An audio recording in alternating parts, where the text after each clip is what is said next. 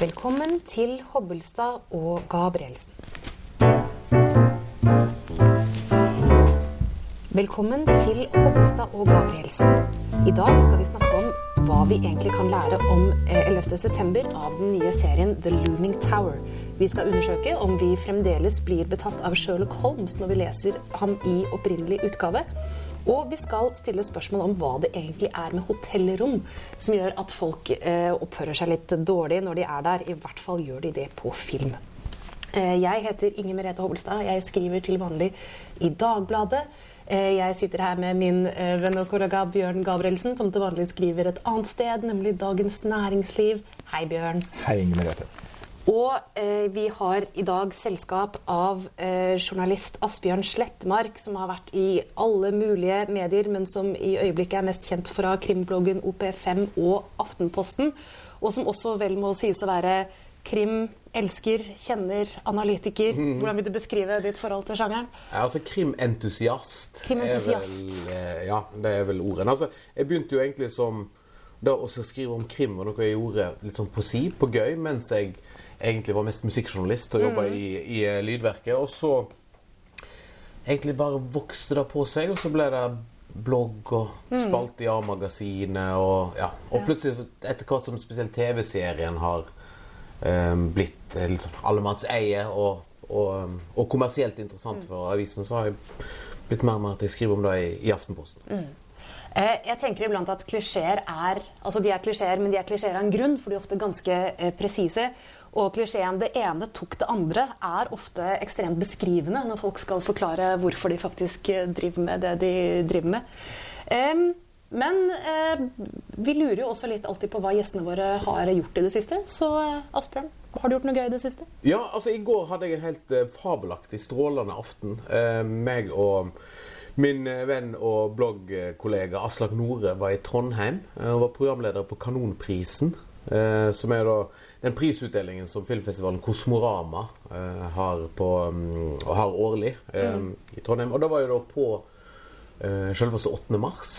Um, og da var det jo eh, veldig fint. Ja, det var noen som sa etterpå at det var liksom følelsen av et litt sånn kulturhistorisk øyeblikk. Når da Iram Haq vant den ene prisen etter den andre for filmen sin 'Hva vil folk si?' som en viktig film alle dager i året, men kanskje aller eh, mest så treffer den på, på 8. mars. Eh, og når hun da for fjerde gang blir kalt opp på scenen for å ta imot æresprisen, Edith Kalmar-prisen, og publikum reiser seg spontant med stående applaus, så um, ikke bare tenkte jeg at uh, nå har vi Nå er vi snart ferdig med, ferdig med prisutdelingen, og dette har gått ganske bra, men akkurat nå så, så kunne ikke en prisutdeling gått bedre enn hva det gjør akkurat nå. Liksom Dramaturgien falt helt på plass. Så det, det, jeg lever litt på det fremdeles. Ja.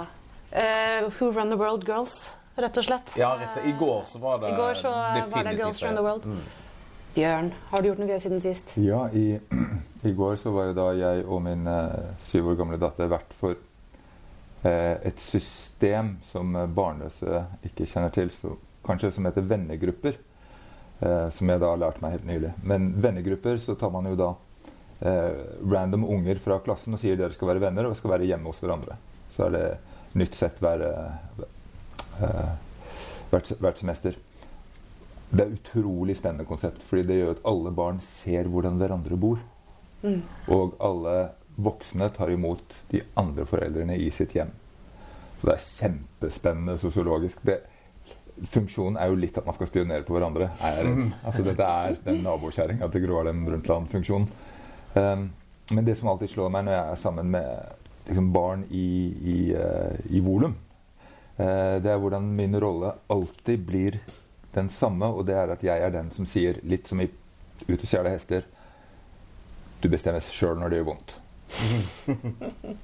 uh, dette takler du. Dette er ikke så vondt som du sier. Nå er du på besøk. Da får du det ikke som du vil. Um, og alltid denne oppfordringen til at de ikke skal sutre, ikke gjøre seg selv svake. Uh, og jeg vet ikke om det er en jenteting. Nå, her er det blandet, men jeg opplever det sjelden med gutter.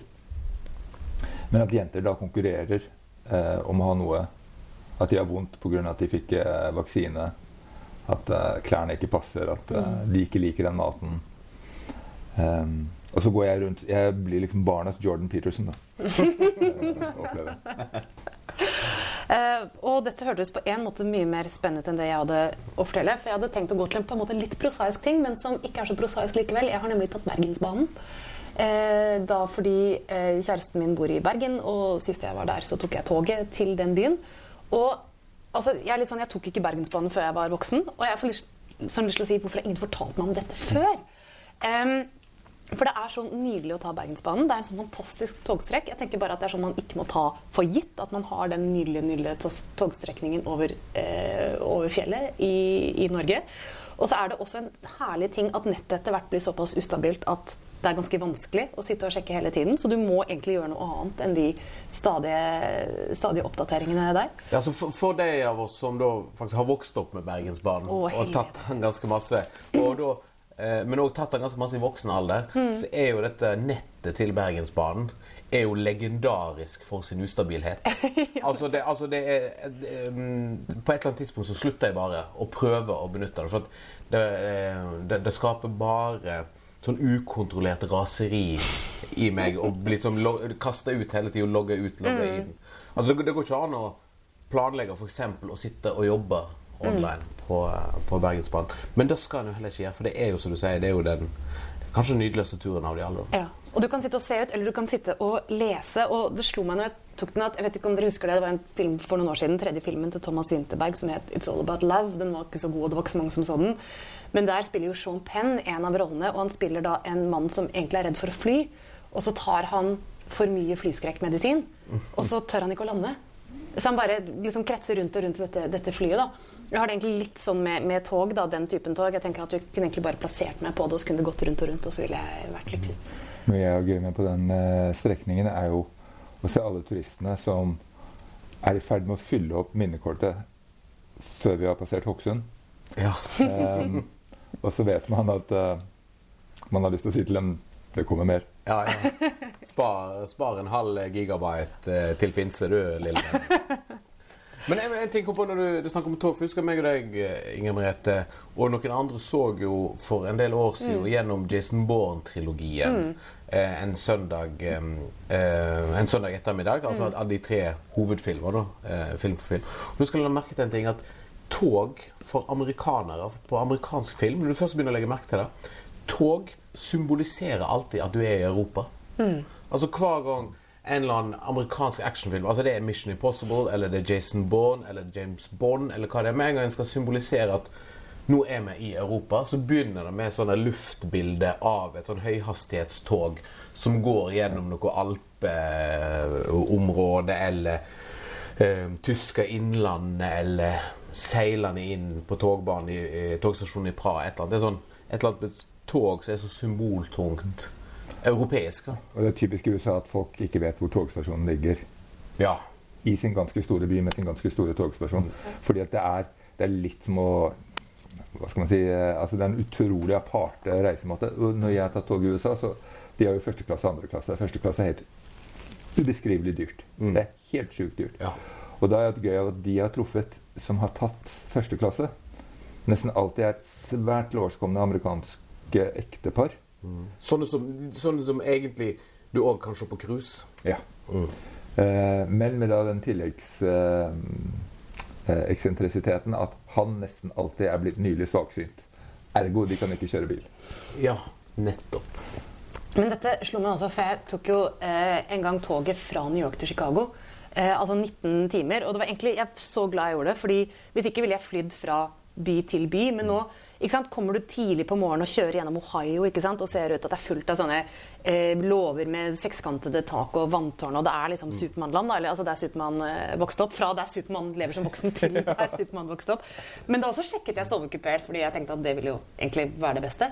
Og det var på en måte dobbelt så dyrt som dyre hoteller i New York. Det var sånn 5000 kroner for. Altså, så det er et helt sånn avsindig sånn klasseskille som tyder at jeg er for et helt spesielt snever liten trevl av klientellet da, som man tenker seg er interessert i sovekupeer. Altså Nå blir det en sånn lang togstrek her, men du må bare få anbefale en gang hvis nå siden er på vestkysten. Jeg tok en gang tog fra San Diego til Los Angeles. Fantastisk tur. Og den eh, togstasjonen i San Diego den har jeg sett etterpå dukke ofte opp i film. For den er så utrolig. Den er ganske liten, men veldig lekker og sånn filmatisk. Så hvis en av en eller annen grunn skulle fra, fra sør og, og, og nordover i, i California, så er det definitivt å anbefale. Så En lynrask liten eh, anbefaling jeg også, før vi går mm. back to business. og det er litt sånn, Men det slår meg Asbjørn, at du satte meg på det at denne kvelden, eh, dagen, som det var vel du og jeg og tre andre som satt og så alle Jason Bourne-filmene, og det ble jo et veldig lang analytisk post på bloggen deres. Eh, hvor vi gikk virkelig grundig til verks og var til dels ganske uenige, faktisk. Så hvis noen er tilhengere av Jason Bourne-filmene og har lyst til å snakke dem i hjel, så er vi litt sånn en skriftlig samtalepartner som Altså, gjerne tar jeg, den jeg, praten. jeg er alltid åpen for å diskutere Jason Bourne til enhver tid. Og med det så skal vi gå videre til å snakke og diskutere noe annet amerikansk voldelig og actionfylt, nemlig den nye Hulu-serien The Looming Tower. Eh, der, eh, der Jeff Daniels og Peter Sarsgaard spiller eh, en slags hovedroller. Den handler om, om årene før 11. september. Asbjørn, kanskje du kan si litt mer om hva den Hvis du skal beskrive hva den handler Altså, om? The Looming Tower, som nå er tilgjengelig på Amazon Prime, eh, strømmetjenesten her i Norge, er en filmatisering, eh, altså en dra dramaserie eh, basert på en bok som heter The Looming Tower av Lawrence Wright. Undertittelen på den boka er jo eh, Al Qaida and the Road to 9-11. Og da beskriver vel egentlig ganske nøyaktig hva den TV-serien er. Um, det er om fremveksten av Al Qaida eh, etter de ble måte, synlige for verden gjennom å bombe da, ambassadene i var det Kenya, Tanzania, eh, og etter hvert òg USS Cole, eh, det krigsskipet som lå i, Jemen, som vel var i år 2000, tror jeg.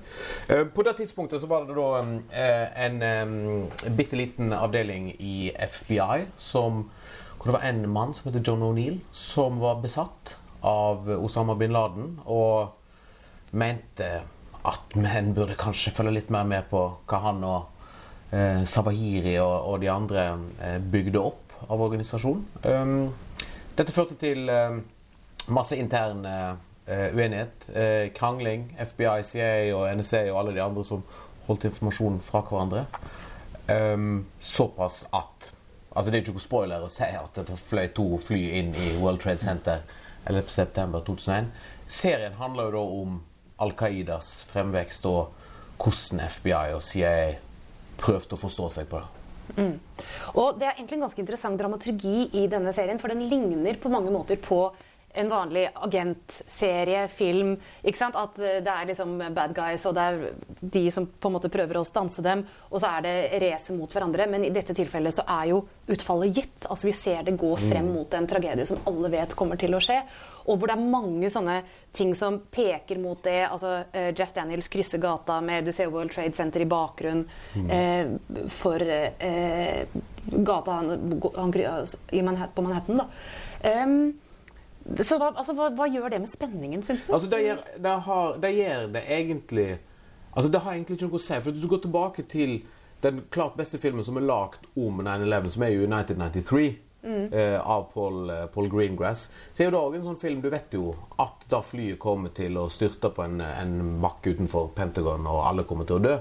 Men eh, måten spenningen er lagt opp på, og måten filmen er bygd opp på, eh, gjør jo at du du sitter jo der, og til siste slutt, så selv om du vet hva som skjer, så sitter du og holder pusten og tenker at ok, kanskje, kanskje det går an å få gjort et eller annet med dette her. Så det at, at, at resultatet gitt, det er jo litt sånn som andre verdenskrig. Du vet jo hvordan det ender òg. Men det går an å lage spennende filmer av det eh, òg.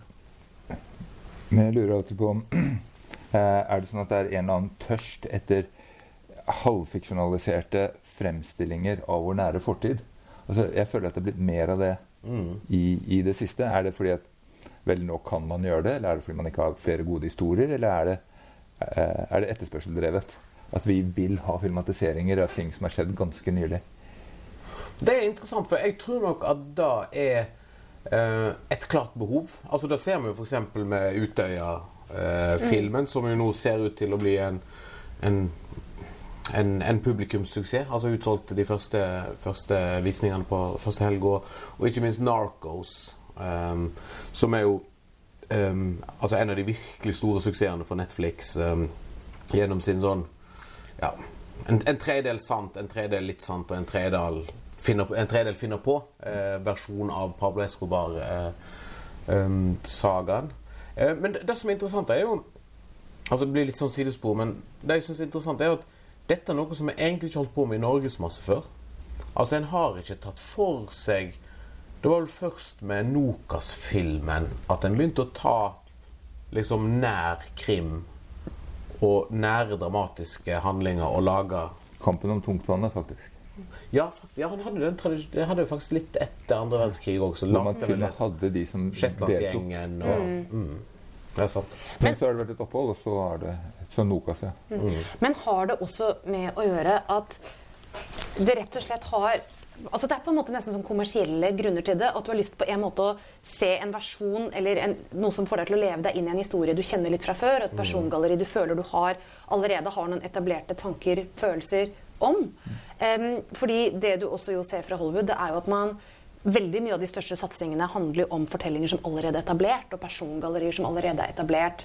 Superheltfilmene ikke sant? Som superhelter som folk har hatt et forhold til. Masse sånn young adult-romaner hvor man elsker dem fra før. Og så er på en måte dette den litt sånn grimme, storpolitiske varianten av at man nesten vet litt hva slags opplevelse man går inn i. Da, det er samme mekanisme som når man lager langfilm av en TV-serie. Ja, ikke sant? At det er liksom, man, I stedet for å få en historie etablert fra scratch, der du må liksom forholde deg til personer du aldri har sett før, ikke sant? Og må, så får du et nytt take på en historie mm. som er allmenn eiendom, på en måte. Mm. Og man ser jo i, uh, i bøker at de store salgssuksessene i det siste har vært Jan Gios, 'Brobyggerne', Ken Follett, uh, uh, Altså disse seriene hvor man da følger med. da. Mm. Eh, Jon Michelet. Ja. Eh, Hoen. Eh, I alle tilfeller så er det du, du synker inn i et persongalleri og en setting. Så kan du bare meske deg med mm. det framover. Og det er jo òg egentlig en årsak til TV-seriens suksess. At du, liksom, du, har etablert et univers, og så kan du bare pøse på med sesonger og episoder mm. der en Du trenger ikke investere så fryktelig masse kapasitet de første minuttene ved nye ny episode av Homeland. Mm. For du, på en måte, du vet du vet hva du har å forholde deg til. Du vet um, du, du, trenger ikke bli kjent med et univers. da. Mm. Men altså, tilbake til The Looming Tower, så tror jeg altså, Grunnen til at den Jeg tror den har blitt en, en brukbar suksess. I hvert fall fått, fått veldig gode kritikker og sånt. Altså, jeg tror rett og slett grunnen til det er at den forteller en sånn historie som er da i kategorien sånn You couldn't make it up.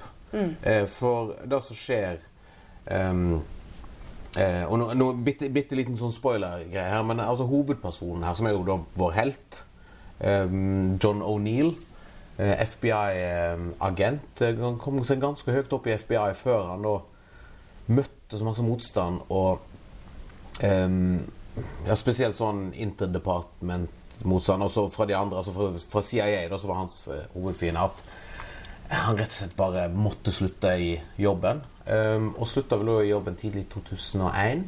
Og i juli 2001 så tok han seg jo jobb som sikkerhetssjef på World Trade Center. Mm. Og det er jo en sånn Den historien er jo sånn du, du, Hvis du hadde skrevet det som en Nicholas Cage-film, så hadde det blitt liksom 5,2 poeng på IMDb, og ingen hadde trodd på det. Men altså historien er jo helt totalt ko-ko. Spesielt når en legger på at han i tillegg til å være en briljant, dreven agent, så er det sånn vi ser i de første episodene òg, så lever han jo både dobbeltliv og trippelliv. Mm.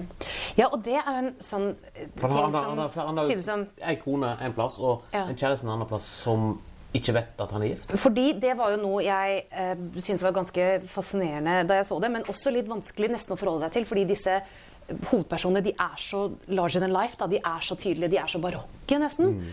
Eh, og eh, den ene er jo han eh, som er altså, Litt sånn for å etablere det først, da. Altså, noe av det som jo er tragedien i denne serien, er at du ser hvordan man ikke klarer å håndtere en ytre fiende fordi man krangler så mye seg imellom. Eh, altså, at, blir, altså at, at, kampen om lille Tua hjemme blir så intens at den store krigen ja. eh, ikke Ja, CIA vil ikke gi informasjon til FBI, for da ja. tenker jeg at FBI kommer til å raide den plassen og så avsløre hva en holder på ja. med osv. Så, videre. så det er FBI og CIA som rett og slett ikke klarer å kommunisere. da. Mm.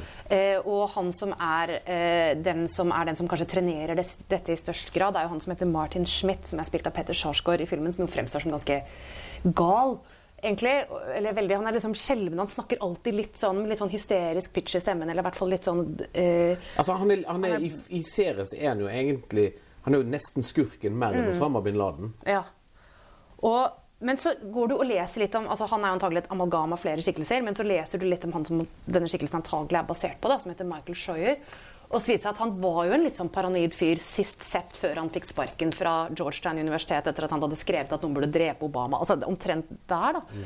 Og at han satt der på dette eh, kontoret i CIA, og det var deres sånn Osama bin Laden-kontor, med en sånn armé av litt sånn unge, ikke så erfarne unge kvinnelige medarbeidere som gjør at de andre kalte det for The Manson Family. Altså hele det eh, kontoret. Og så har du da hans jo nemesis, da, vår mann her, John O'Neill, som du snakker om, som blir beskrevet som har kone og barn hjemme og to elskerinner, og ingen vet om hverandre. Og Altså, jeg det, er ikke engang elskerinne, det er kjæreste. Altså, han, Ja, le, han lever ja. tre parallelle liv. Ja, og så, og så leser du om ham, og så fant du ut at det var ikke to kjærester, det var tre han hadde utenfor ekteskapet. Og alle trodde at de var kjæresten hans. Fordi han kunne jo når som helst si at nei, vet du hva, jeg må på kontoret. Liksom, det er verden, det. Men i filmatiseringen så klarte de ikke få seg til å gi ham tre kjærester. ikke sant? Det var, eh, tenkte at nei, det, altså at, at hvis vi tar det slik det faktisk var, så vil det strekke uh, troverdigheten for, for mye, da, rett og slett. Men det er òg et par andre veldig interessante figurer i, um, i serien. Han eh, Libanon-fødte um, FBI-agenten som er som sidekicken til John O'Neill. Som er vel han som For John O'Neill fikk ikke lov til å forlate kontoret sitt så masse, så han hadde da en, en uh, ung agent som ble sendt ut i feltet til til Afrika og til er det Filippinene, Indonesia de ender opp på slutten for å lete etter disse her sporene som CIA prøver å skjule fra, fra FBI. Som òg er en veldig, veldig fin, eh, fin figur i, i serien. Og, og i den rollen så er det jo også utrolig eh, fint å se eh, Tahar Amin, som jo er en av, vært en stor fransk karakterskuespiller, da, som er fransk-algirsk egentlig. Det er første gang jeg har sett ham i en engelskspråklig rolle. Men han spiller også hovedrollen i en fantastisk sånn fengselsgangsterfilm som heter 'Profeten'. Ja. Eh, som bare er en da varm anbefaling, som vel også går an å slenge på. Han er òg- med i den der eh, euro... Euro-diamantsmuglerthrilleren The Last Panther. Den serien som HBO eh, sendte for, for et år to siden. Fabelaktig skuespiller. Veldig kult å se han i en Altså debutere i Hollywood da, i en sånn bunnsolid karakterrolle. Men altså, 11. september, det er jo sånn at Altså, jeg vet ikke, hva, hva lurer vi på når det gjelder 11. september liksom så mange år etterpå? Hva, hva skal til for å liksom lage en god 11. september-historie? Vi er vel enige om at dette er én, men hva, hva gjenstår på en måte å utforske da, det scenarioet? Men er det ikke da å gli ned i sånn homeland-hull? Eh, hvor man da har nettopp de interne konfliktene og da de personlige dramaene som utspiller seg. Jo, for jeg synes jo det, det er jo det som gjør The Looming Tower, altså både boka og nå etter hvert serien, også så bra. da, for Boka er vel opprinnelig fra den er tilbake i 2006, tror jeg. Så det er jo, um, dette er jo en historie som har vært, vært kjent uh, uh, lenge. Men jeg syns jo det som gjør den bra, er jo at den viser på en sånn eh, At det var så masse knirk i systemet at dette her kunne skje. For at grunnen til at mange da har sånn litt sånn ville konspirasjonstanker om at eh, at 11. 11. september liksom, det, det kan ikke være ekte, for det er så drøyt og det er så stort, og det må være en inside job og alt mulig sånne ting. Um, altså, The Looming Tower viser jo hvordan det kunne skje. Altså viste jo hvordan liksom, et, et par dusin eh, Al Qaida-agenter og assosierte kunne gjennomføre dette. her, For at, rett og slett pga. at det, det var så uh, vindskeiv kommunikasjon på andre sida. Altså mellom FBI og CIA. Og viser liksom at det en alltid har sett på som liksom sånn maskinsystemer som skal overvåke og som skal passe på at, at, at, CIA liksom er nesten en sånn allmektig organisasjon, viser jo at det stemmer ikke i det hele tatt. Og det viser jo ikke minst det forferdelige at alt jo kunne vært unngått. Altså at det er til enhver tid utrolig mange løp som kan skje, da. Og i dette tilfellet så falt dominobrikkene, og de personene var plassert på de stedene, og de hadde de og de forbindelsene eller uvennskapene eller maktkampene eller forskjellige forhold seg imellom, som da skaper en sånn perfekt storm som Sånn sett er jo det å være CIA-agent Det ligner litt på det å være kinomaskinist eller, eh, eller oversetter. At uh, så lenge du gjør jobben din bra, så er det ingen som takker deg. Mm, ja. Fordi da, da hadde vi ikke visst om det. Det hadde ikke vært noen film da, om de hadde klart å få det til. Og det var vel det Hvem var det som En eller annen som var øh, knyttet til IS eller et eller annet, som sa at ja, men vi trenger bare å lykkes én gang. De må lykkes, altså de som skal ta det, må lykkes hver eneste gang. Det er en god analyse. Ja. Mm. Vi skal bevege oss videre fra eh, forbrytelser for ikke så lenge siden, virkelige forbrytelser, til tenkte forbrytelser for enda litt eh, lenger siden. Nemlig til eh, Arthur Conan Doyles roman 'Hun fra Baskerville'. Den kom ut i 1902. Den har vært oversatt til norsk eh, flere ganger, den har vært filmet flere ganger. Nå kommer den faktisk i en ny eh, norsk oversettelse. Og da er det jo slik med en skikkelse som Sherlock Holmes at dette er et av de navnene hvor man kan si det høyt, og alle får umiddelbart et bilde på netthinnen fra en av de mange popkulturelle iterasjonene som har vært eh, siden da. Men det at eh, at man da går tilbake til kilden, så å si, gjør jo at man får en anledning til å se litt nærmere på hva som er klisjeens eller arketypens faktisk, faktiske utgangspunkt. Altså hvor begynner det, da? Eh, og hvilken effekt denne karismatiske litterære skikkelsen eh, fremdeles har. Eh, Bjørn, hvilket forhold har du til Sherlock Holmes? Eh, for jeg leste en del, eh, og da originalversjonen, mm. i tidlig i tenårene. og var veldig betatt av det. og det har jo formet mitt syn på britene. slik at jeg klarer jo aldri å venne meg til at at den britiske uttrykk i dag er, er ganske sånn emosjonelt inkontinent. Uh, jeg tror fremdeles på, på, den der stive overleppen. Og en annen ting med Sherlock Holmes sin populære kulturelle effekt er jo at man kaller hverandre for Sherlock. Og at det aldri gjøres uten ironi. Aldri. Det er ingen som sier det på en hyggelig måte. Mm. Nei, jeg har jo så jeg har vokst opp med Sherlock Holmes. Jeg har vært eh, kanskje min store sånn, barndomshelt ved sida av uh, Varg Veum og James Bond. Uh, jeg husker uh, Jeg har en stefar som er, er veldig glad i krim. Som vokste opp med hans, med hans bibliotek. Da, altså krim og spion og agentlitteratur og sånt. Og, da hadde han Sherlock Holmes på engelsk, og da leste jeg noe litt Men jeg må innrømme at det ble, det ble litt, for, litt for avansert engelsk for en 12-13-åring.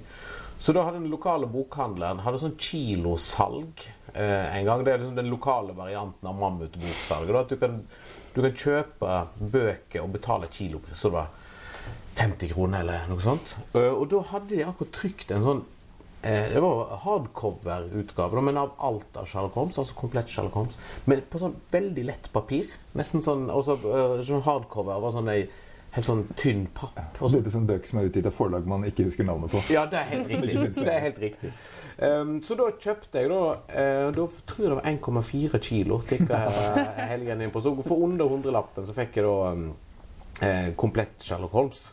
Uh, som jeg da leste sønder og sammen. Og jeg leste ikke 'Hunden fra Baskerville', 'The Hound of the Baskervilles', på nytt igjen for ikke så lenge siden. Og det slår meg, Først i voksen alder så skjønner jeg jo egentlig sånn, hva for et litterært mesterverk den boka er. Altså Rent sånn litterært sett så er det jo definitivt det største Sir Arthur Conan Doyle har skrevet. da. Mm. Um, og det er sånn, alt han har prøvd på som forfatter, kommer sammen i 'Hunden fra Baskerville'. Altså både det, det poetiske, krimplottet, um, figurene, altså både bifigurene og, og hovedrollene fra Watson og Sherlock Holmes til til liksom denne familien ute på hva heter det, Charles Baskerville og Hugo Baskerville og ja, deres mm. etterkommere. Ja. Fordi Hvis vi skal etablere historien ja. litt, da, så er det jo at uh, Sherlock Holmes og dr. Watson selvfølgelig bor i leiligheten sin eh, i Baker Street. Og kommer da eh, borti en sak hvor det er da en adelsmann, sir Charles Baskerville, som er blitt drept. Disse adelsmennene. Altså, det er utrolig at England har adelsmenn igjen, med tanke på hvor, hvor, hvilket antall og hyppighet de stryker med i disse eh, romanene. Og, som er blitt funnet på heia, da, ikke så langt fra sitt eget gods, og død av litt mystiske årsaker. Og med et sånn skrekkuttrykk på ansiktet sitt. Og så er det jo da eh, en myte, en forbannelse, tenker man på en måte, som henger ved denne familien. Da, for de hadde en sånn eh, skikkelig skurk av en stamfar. Eh, som bortførte en ung pike med uhumske hensikter.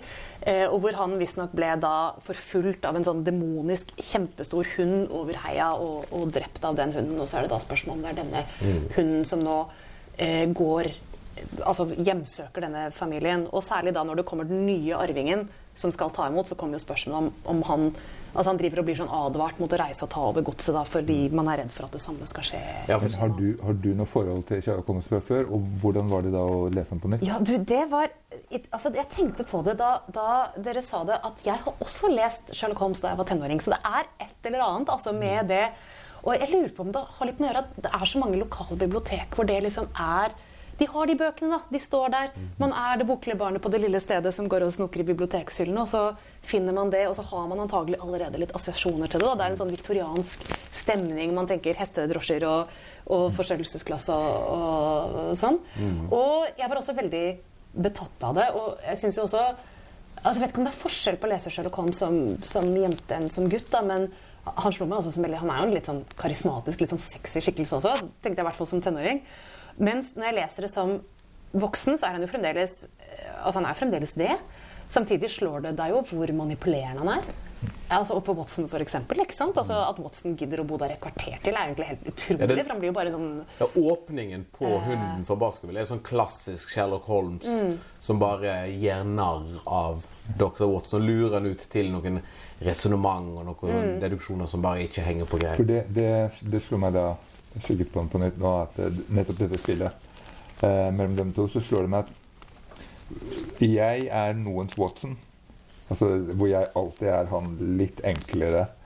Han som blir lurt og eh, eh, Men samtidig bistår litt. Og så har Mens jeg er Sherlock Holmes for en annen. ja. For en venn hvor jeg alltid river meg i håret over hans naive eh, sånn troskyldighet.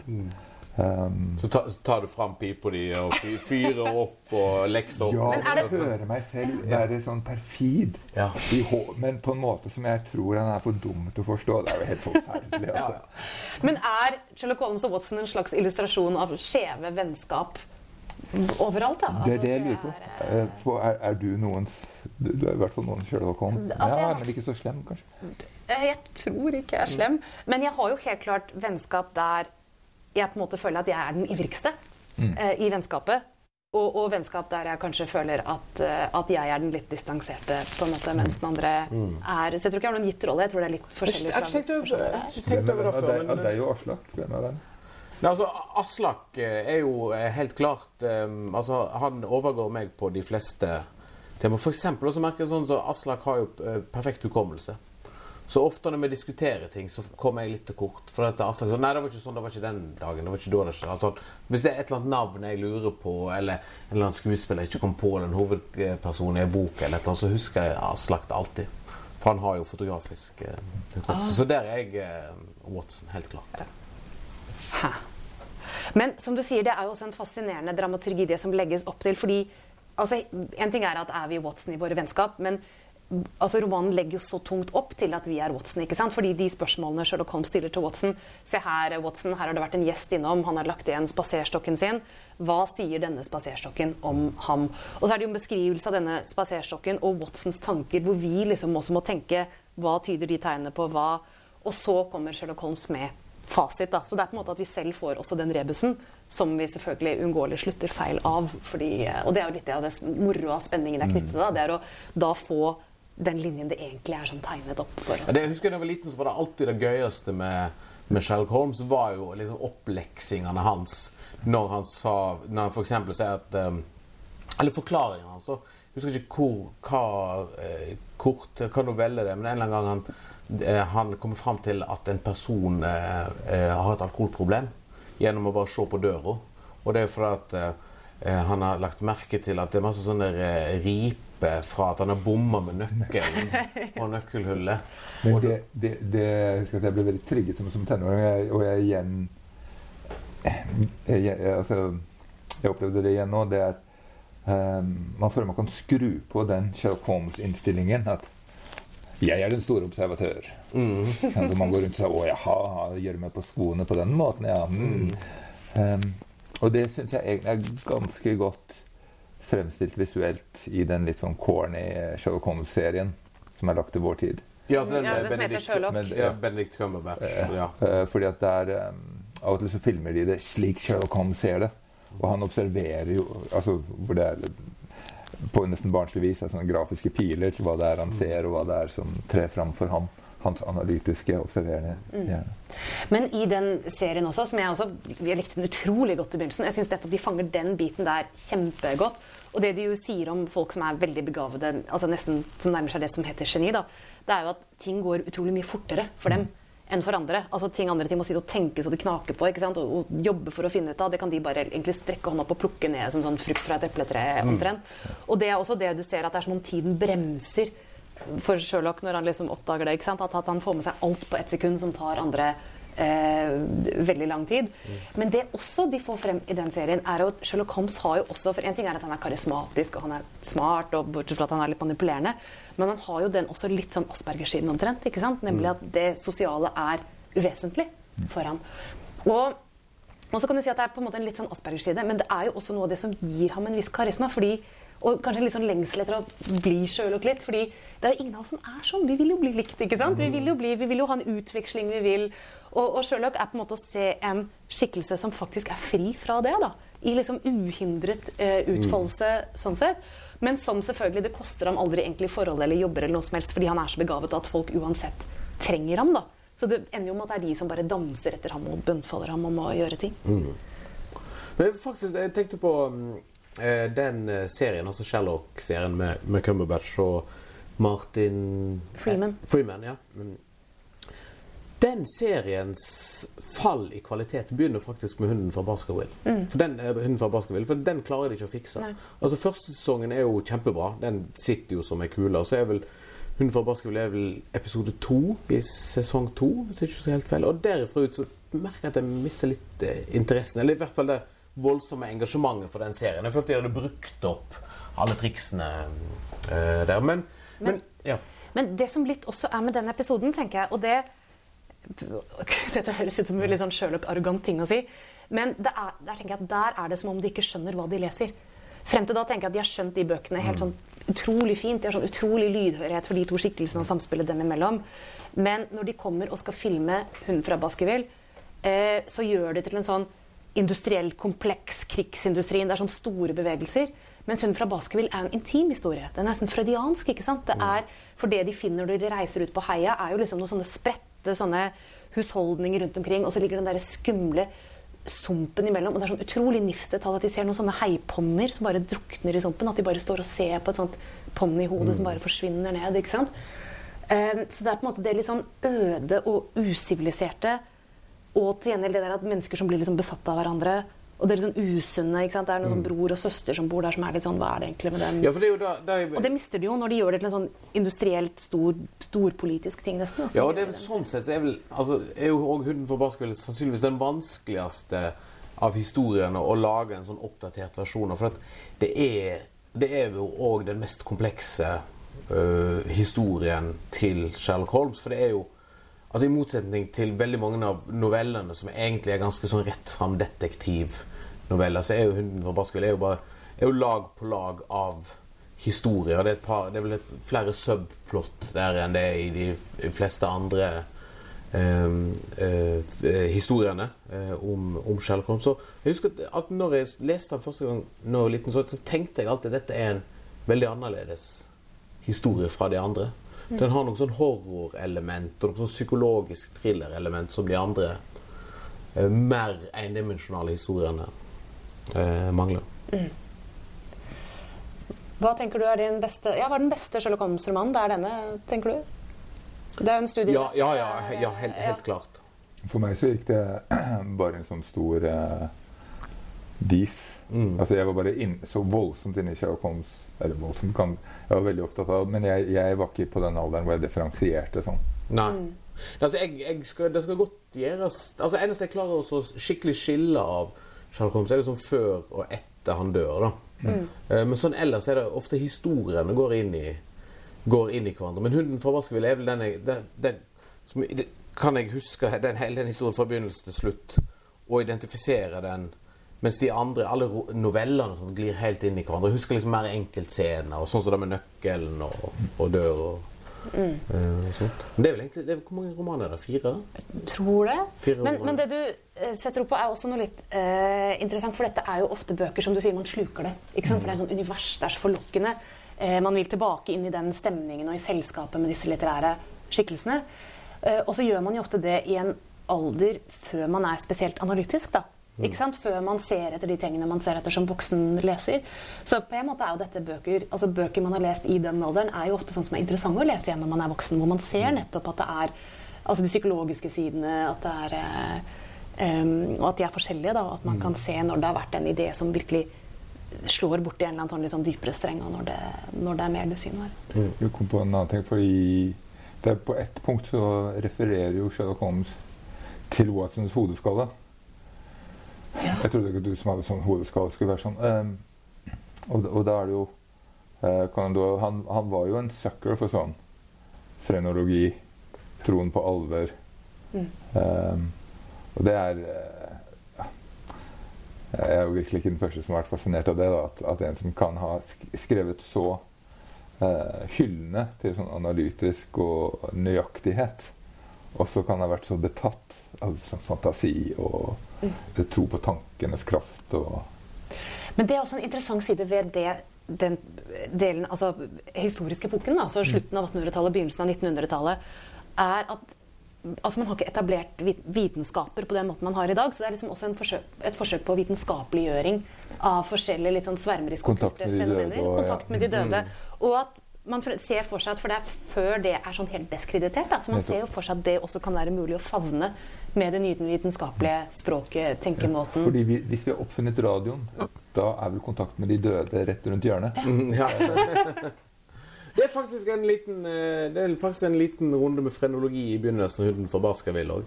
For det er vel han eh, Mortimer som kom eh, på besøk, han med stokken, i åpningssekvensen. Han hvis stokk de, de analyserer. Han sier jo til Sherlock Holmes at han gjerne skulle ha tatt en sånn plastavstøpning av eh, hodeskallen til denne fantastiske, smarte, velrenommerte detektiven. For på det tidspunktet, og det er jo en viktig ting i, i um, Unnfor Baskerville, på dette tidspunktet så er jo Sherlock Holmes i som Sherlock Holmes-universet, så er han jo kjendis. Altså, han har jo da dødd og kommet tilbake og Sånn, så han er sånn det er, ikke, det er ikke tilfeldig at folk kommer til han. Det er ikke tilfeldig at folk eh, kommer til ham. Da faktisk eh, at vi kommer tilbake til hunden fra Baskerville jeg bare gjøre litt feil eh, hoderegning her. 116 år etter at boken kom ut første gang. Og fra heia ute i Dartmoor så skal vi tilbake til sivilisasjonen, nemlig snakke om hotellrom. Eh, For hotellrom har eh, Hoteller og hotellrom må man vel kunne si, har jo dette merkelige ved seg at de er yndede åsteder for utrolig mange forskjellige fortellinger. Eh, hvis du ser f.eks. på hotellrom på film, så er, de, er det ofte der man finner skrekkfilmer, romantiske komedier, komedier, dramaer. Det er utrolig mye rart og skummelt og romantisk som rett og slett kan skje på hoteller. Jeg lurer på, har dere, ja, har dere noen tanker om hvorfor det? Um, altså, jeg, jeg tenkte masse på den jeg så den eh, nye serien til Duplass-brødrene. Eh, som heter Room Åh, nå har jeg selvfølgelig glemt romnummeret. Eh, men em, hvor det er sånn Hvor det er samme hotellrom. Hver episode er en hendelse inne på da hotellrommet. da Altså en gjest i ett døgn, sånt, som er veldig sånn enkelt premiss. Men det er jo dette med at et hotellrom er jo sånn per definisjon helt sterilt. Enkelt. Eller Der er det bare menneskene. Ja. Mm. Og ja. Og så er det mer Men det, eh, det er også en, en rar situasjon det der at når du er på reise og du er i hotellrom, så er du, eh, da er du utenfor den vanlige konteksten som, som du pleier å være. Um, slik at da på en måte så kan man jo anføre til at alt kan skje.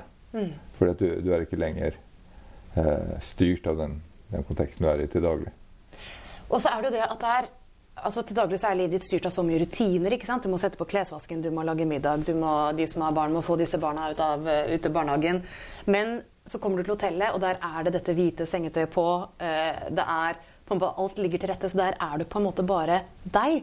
Du er hentet ut av dine vanlige sammenhenger og rutiner. Og du, hvis man reiser alene, så er man jo også tatt ut av de vanlige sosiale sammenhengene man inngår til. Så det er på en måte ingen der som ville bli egentlig sjokkert over deg. På en måte, på en måte som det ville få eh, konsekvenser for deg. Og det er vel de som mener at dette er jo grunnen til at hoteller er en så utrolig god arena for ugagn. da. Altså for at man henter frem sine litt sånn tvilsomme sider, eller eh, uforutsigbare sider. Fordi det er et sted der som virker som er litt sånn avsondret fra, fra livet utenfor. Men, men for meg er- fungerer faktisk hotell litt omvendt.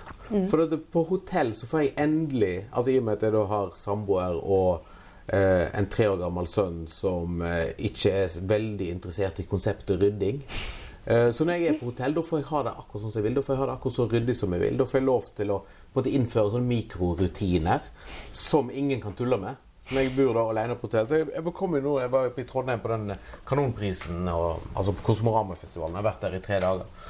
Så var det en sånn veldig sånn eh, befriende følelse å bare kunne ha fullstendig orden og kontroll på ting uten å tenke på at noen andre skulle um, skulle forpurre den, uh, den kontrollen. Så få liksom få dyrka eh, Få denne eh, gamle sjelen inni meg som egentlig bare vil ha det kjemperyddig og vil ha tellekant på, på T-skjortene mine. Så på godt og vondt så er man sitt sanne jeg på Ja, hotellet. Ja, for, for, ja, for i hvert Noen på vondt, men du ja, ja, ja. Altså det, det hotellrommet der, det var, det var fryktelig lite ugagn. Det var bare gagn eh, i tre dager. Mm. På. Og jeg, faktisk, det må jeg si at til og med jeg hang ut Do Not Disturb-skilt og hadde det hengende ute i tre dager. For jeg, jeg hadde liksom hadde lyst til å ha min egen lille kontroll. Jeg har ikke lyst til at at rydde Folket. folk hadde du ikke inne. Nei, nei, nei. ikke- nei, nei. Altså, alt det tok jeg meg av sjøl. Og det var en veldig god følelse. Ja. Bjørn, hvem er du på hotell? Nei, jeg er en liten snusk. Men jeg husker um, var en gang jeg var med Gyldendal. Jeg hadde utgitt en bok, og så var vi på reise med andre eh, forfattere. Og så skulle vi sjekke ut av hotell, og da Helt sånn intuitivt så var det noe jeg ikke hadde skjønt fram til da, og det er at når folk Når man er i en gruppe og man skal sjekke ut av hotell, skal du ikke stå rett bak den som sjekker ut hvis vedkommende har betalt for TV. Dette var jo Jeg vet ikke hvis det er en gang er aktuelt. Men det falt meg ikke igjen. Jeg bare sto og prata og prata. Og så fikk sånne rare vibber fra den andre forfatteren. Så skjønte jeg etter hvert at Eller det var først etter han til slutt måtte betale mens jeg sto der. Så skjønte jeg å, han ville ikke at jeg skulle stå der da. Men det er også en side utrolig karakteristisk side ved hotellet, må man jo kunne si. At de to tingene man til enhver tid alltid har funnet på, hotellet, på hotellrommet, det er pornografi og Bibelen. Ja. Mhm. Og brennevin. Og de tre i kombinasjon. Um, men hoteller i popkulturen da, si sånn, og på film de har jo også utrolig forskjellige funksjoner. fordi F.eks. For i Ondskapens hotell eller i Barton Fink så er jo hotellet det er jo stedet der du blir gal. At det er litt sånn eh, et isolert hotell. Du er der for å gjøre noe som du ikke får til å gjøre. Og til slutt så blir det bare at du forsvinner da, fra verden utenfor hotellet. ikke sant? Du forsvinner inn i noe, eh, noe annet. Og så har det en sånn komisk effekt som det har i Alene hjemme 2. Eh, sånne ting. Og hvor det er på en måte kulturmøter. ikke sant? Gjerne en eller annen litt sånn ikke verdensvant person eller ung person som kommer og plutselig får tilgang på at du bare kan knipse, og så kommer det ting. Lost in translation. Lost in translation. Um, Og så har du i, i um, spion- og agent- og krimfilmer så har du òg det gjerne at du har et sånt tidsrom, det er gitt tidsrom uh, hvor hva som helst kan skje. Eh, så er jo at hotell er jo perfekt å legge altså overvåking, eh, drap, attentat og hva det måtte være til. Sånn, For du vet jo at ok, eh, hvis vi da får tatt livet av vedkommende på dette hotellrommet eh, i, eh, så har vi da tolv timer på oss til å rydde opp og sånt. Og så trenger ikke nødvendigvis noen legge merke til at noe har skjedd her. etter vi har gjort det. Og det er òg en perfekt anledning til å overvåke folk, sånn som du ser i, i siste sesongen av Homeland. Det er vel episode to. Så er vel, nei, det er første episoden. Så er jo de helt klart beste sekvensene er jo når Carrie Mathison leier to hotellrom for å overvåke et eh, møte som da skal skje. For da har du jo Hvis du vet at vedkommende skal inn på dette hotellrommet, så går det an å rigge til på forhånd uten samme fare som du da vil ha hvis du skal prøve å overvåke vedkommende hjemme. Sånn, Så det er alltid alltid I, i spionfilmer så er det jo så er utallige fantastiske hotellsekvenser. enten er Mission Impossible, James Bond eller Jason Bourne på Westin-hotellet i Berlin. Ja, det er helt uh, fabelaktig. Jeg husker at jeg fikk en sånn merkelig følelse da jeg satt og så Citizen Four, den filmen om Edward Snowden, som jo sitter inne på et hotellrom som er eh, Altså når han møter Green, Glenn Greenwald og disse Ja, i Hongkong, er det ikke? sant? ja, og, og er på et åpenbart dyrt, men også litt anonymt hotell. da. Og det ser bare ut Det er på en måte litt standard hotellrom hvor det er utrolig lett å se for seg egentlig en selv eller hvem som helst og bare er på en jobbreise og eh, altså, Litt over i pris, sikkert, men ikke sånn, det er ikke påfallende. Det er ikke luksuriøst sånn voldsomt. Og det som skjer inne på det hotellrommet, er helt sånn avsindig neglebitende, sånn, nesten sånn paradigmeskiftende hendelser fra det virkelige liv. Da. Ja, det, det, å det er jo et, er et paradigmeskifte Ja. for, eh, for menneskeheten. Um, jeg har en annen um, Ja, kan kalle det en paradigmeskifte, i hvert fall for ett hotell. Uh, for vi bodde på The Standard Hotel i New York, som er et sånn ganske fjongt, eh, moderne, trendy hotell. Sånn typisk hotell som The Thief i Oslo er veldig inspirert av. Og der, det er jo et hotell som Det er ganske avlangt, eh, og så går det over noe som heter The High Line i Chelsea, som er en sånn gammel togbane som det er blitt bygd om til park. Så det er veldig masse turister som går fram og tilbake. Og den Highland går liksom under hotellet, som en slags sånn vei under det. Og The Standard Hotellet har jo da vindu fra gulv til tak, så det er helt sånn Alt, alltid noen som tar seg. ja, for det, ja, for det som skjedde, dette er jo hotellet hvor Michael Fassbender i Shame har seg med ei dame opp mot vinduet. Er det det? Ja, og dette skjedde jo da etter at um, Altså, vi bodde der eh, ikke så lenge etter den filmen hadde gått sin, sin mørke seiersgang på et kinolerret.